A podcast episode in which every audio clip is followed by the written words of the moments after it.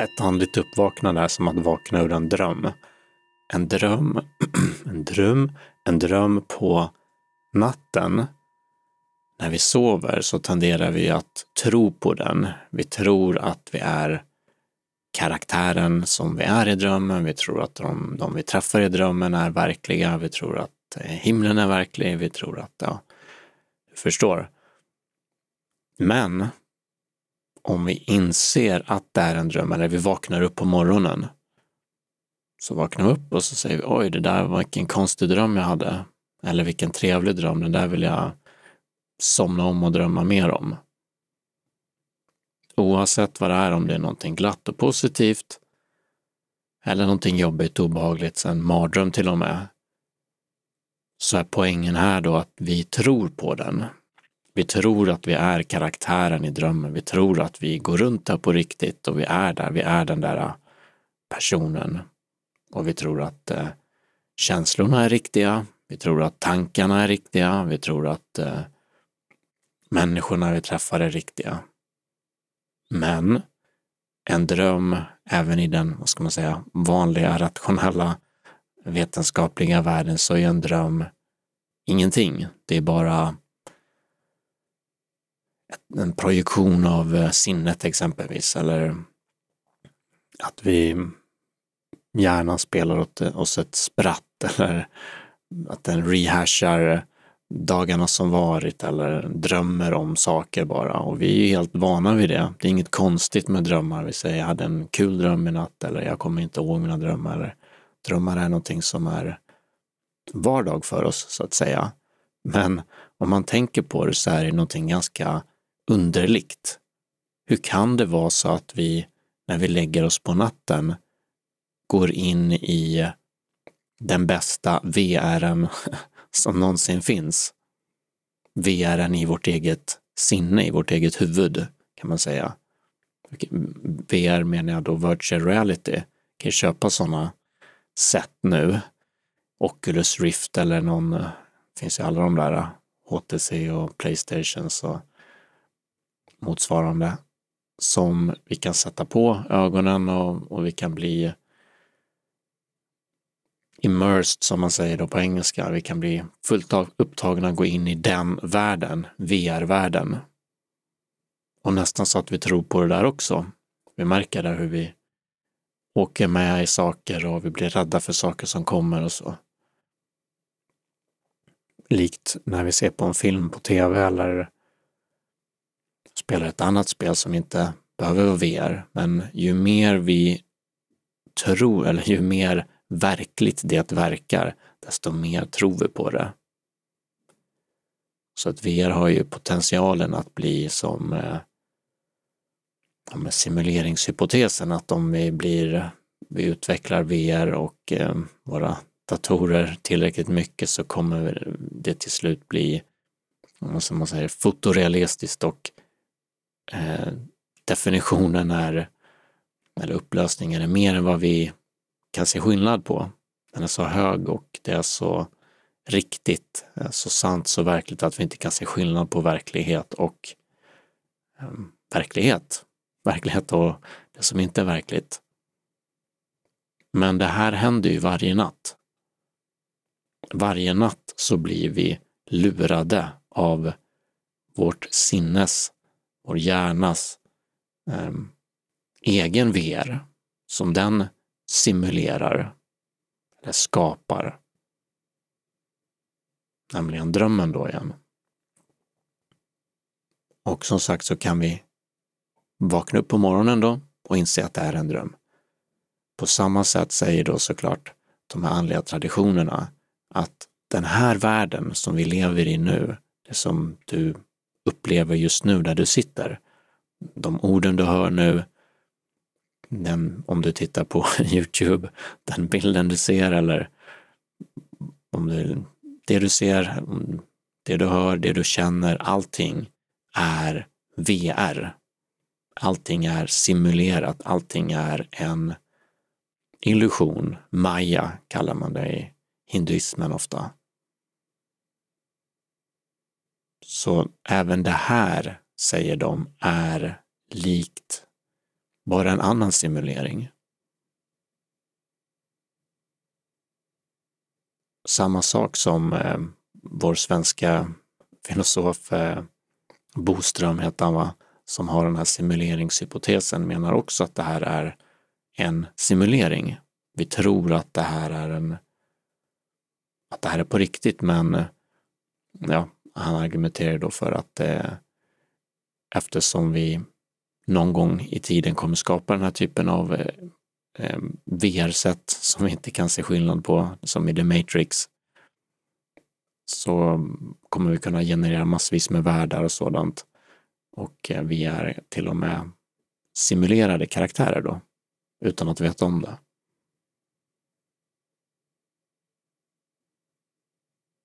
Det är inte samma sak som det traditionerna säger, men det är åt samma håll. Båda menar på något sätt att det här inte är riktigt verkligt.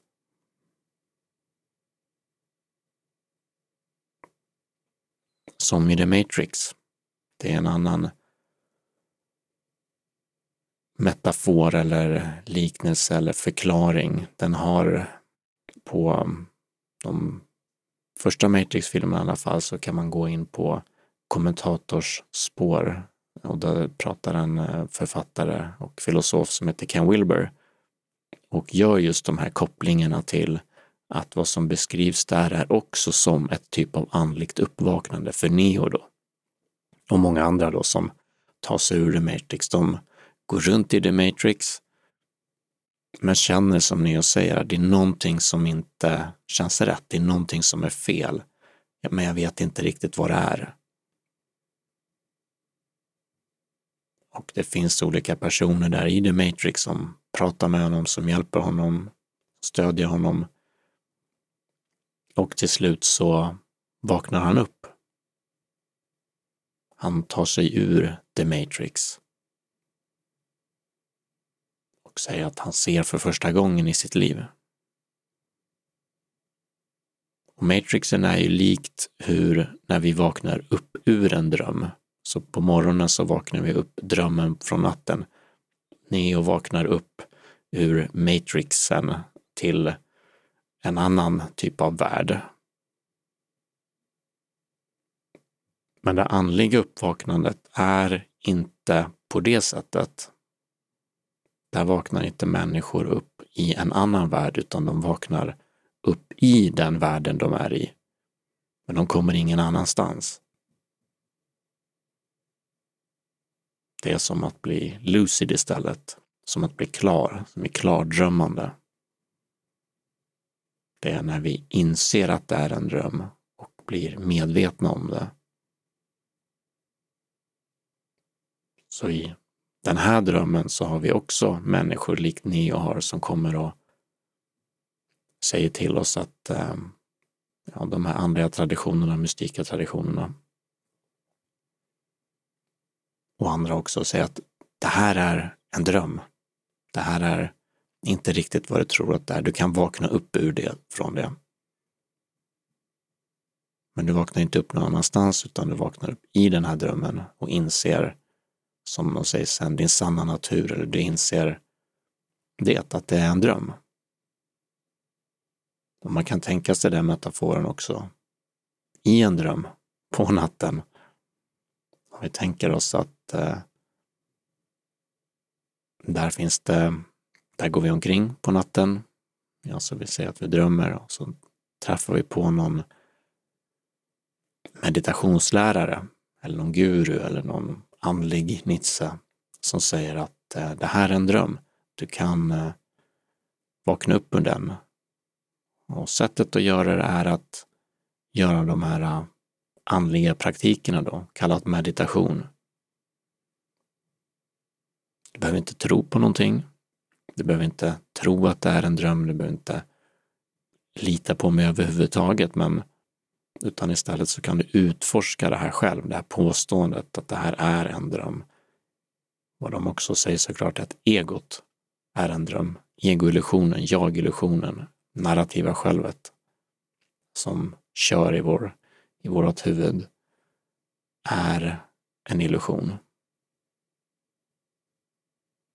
identifikationen med de tankarna och känslorna. men också världen.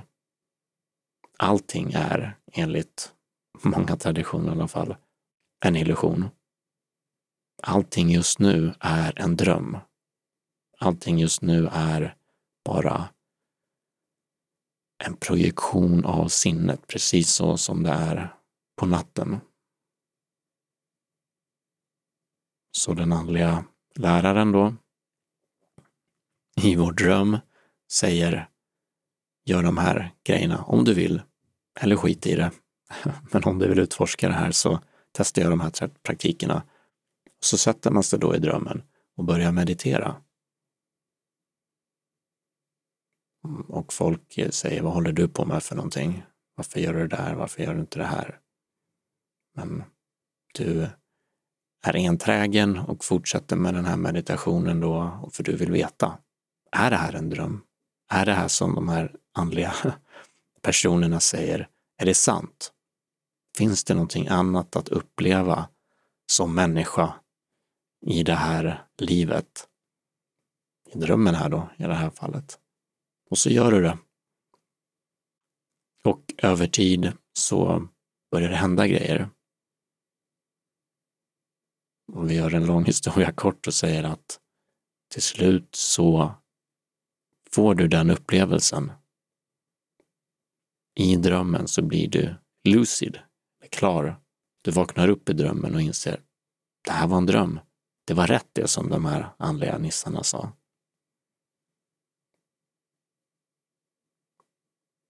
Och med det kommer de här sakerna också. Men vad är, här, vad är det här då? Vem är jag?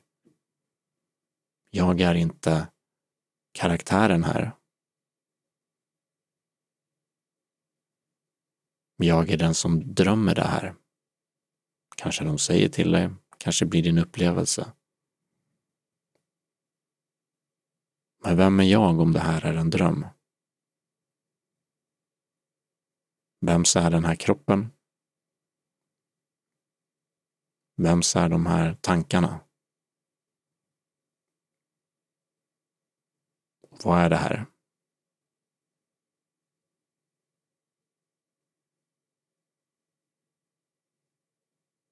Ja, svaret på det ges ju inte av traditionerna.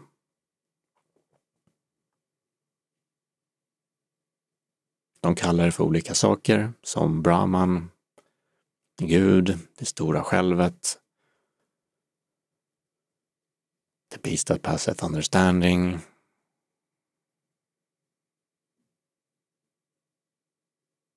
enhetsmedvetande, kärlek,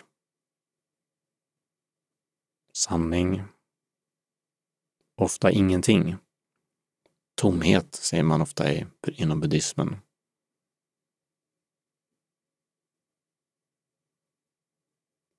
Men det är också form. Så de säger form är tomhet och tomhet är form. Så det här är form och tomhet. Vilket är paradoxalt och motsägelsefullt. Och så som de säger här, det går inte att förstå. Det går bortom det vi kan förstå.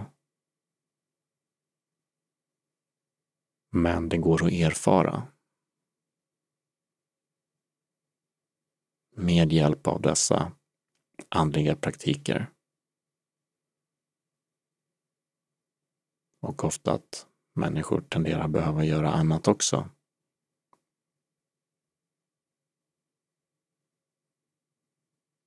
Och i slutändan så kan ju vara frågan, en fråga också vara varför? Varför göra det?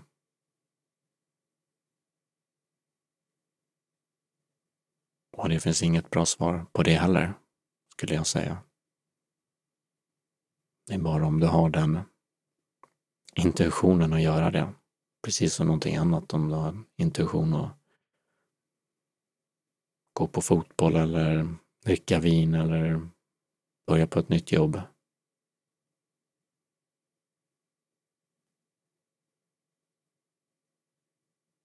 Det blir väldigt snabbt väldigt svårt att förstå sig på tänka kring eftersom det ju är någonting som vi inte kan förstå riktigt. Men vi kan välja. Vi kan välja hur vi vill göra. Vi kan välja hur vi vill leva våra liv. Vi kan välja vad vi lägger vår uppmärksamhet på. Och vi kan välja att eh, undersöka det här med uppvaknande. Att vakna upp i det traditionerna kallar för den här drömmen. Den vanliga världen.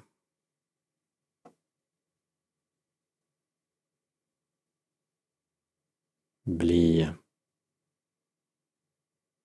oss själva. Återgå till sann natur. Komma hem börja leva.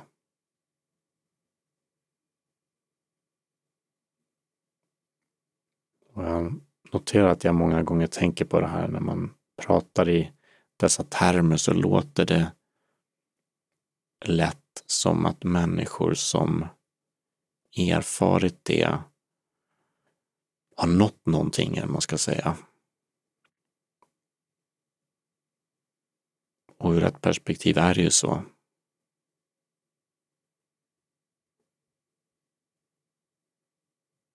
Men ur ett annat perspektiv är allting drömmen. Allting är exakt samma sak oavsett. Det finns drömkaraktärer som går omkring och säger att de har vaknat upp, att det här är en illusion. Finns det de som går runt och säger att det inte är så? Att det där är tokerier eller något. Eller att de säger, jag har inte gjort det än, men snart så. Men det är samma dröm, det är samma sinne, samma kärlek, samma Gud, Brahman, stora själv. Det finns ju inte två Det finns inte två världar, två medvetanden, två uppvaknande saker. Som alla traditionerna säger, i alla fall om mystik, är att det här är en sak. En sanning.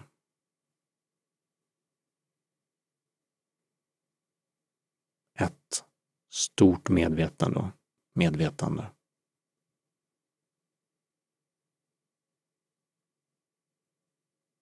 Ett liv.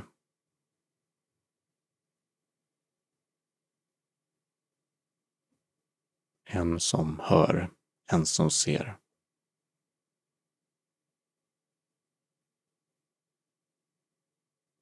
Och vi kan inte förstå vad det är för någonting. Men vi är det.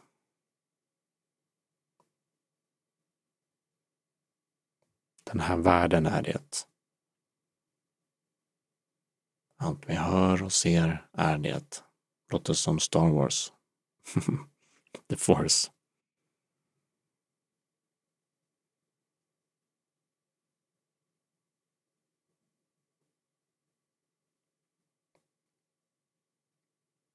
Och det går att erfara. Och sen kan man tro vad man vill om det.